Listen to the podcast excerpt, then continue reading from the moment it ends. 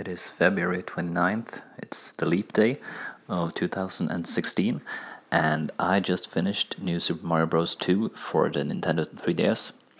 Since I've spoken about that game here on Anchor and the Microcast before, I just thought I'd, I'd mention that.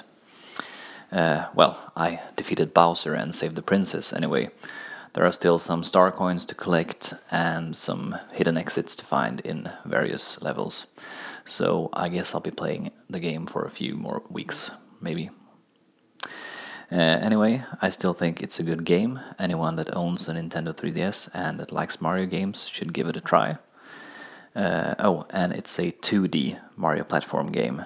I didn't say that before, and I think the new Super Mario Bros. things is uh, a return to the 2D form factor. Form factor? I don't know. Uh, to the 2D world of Mario, and uh, I think that is the way a Mario game is supposed to be.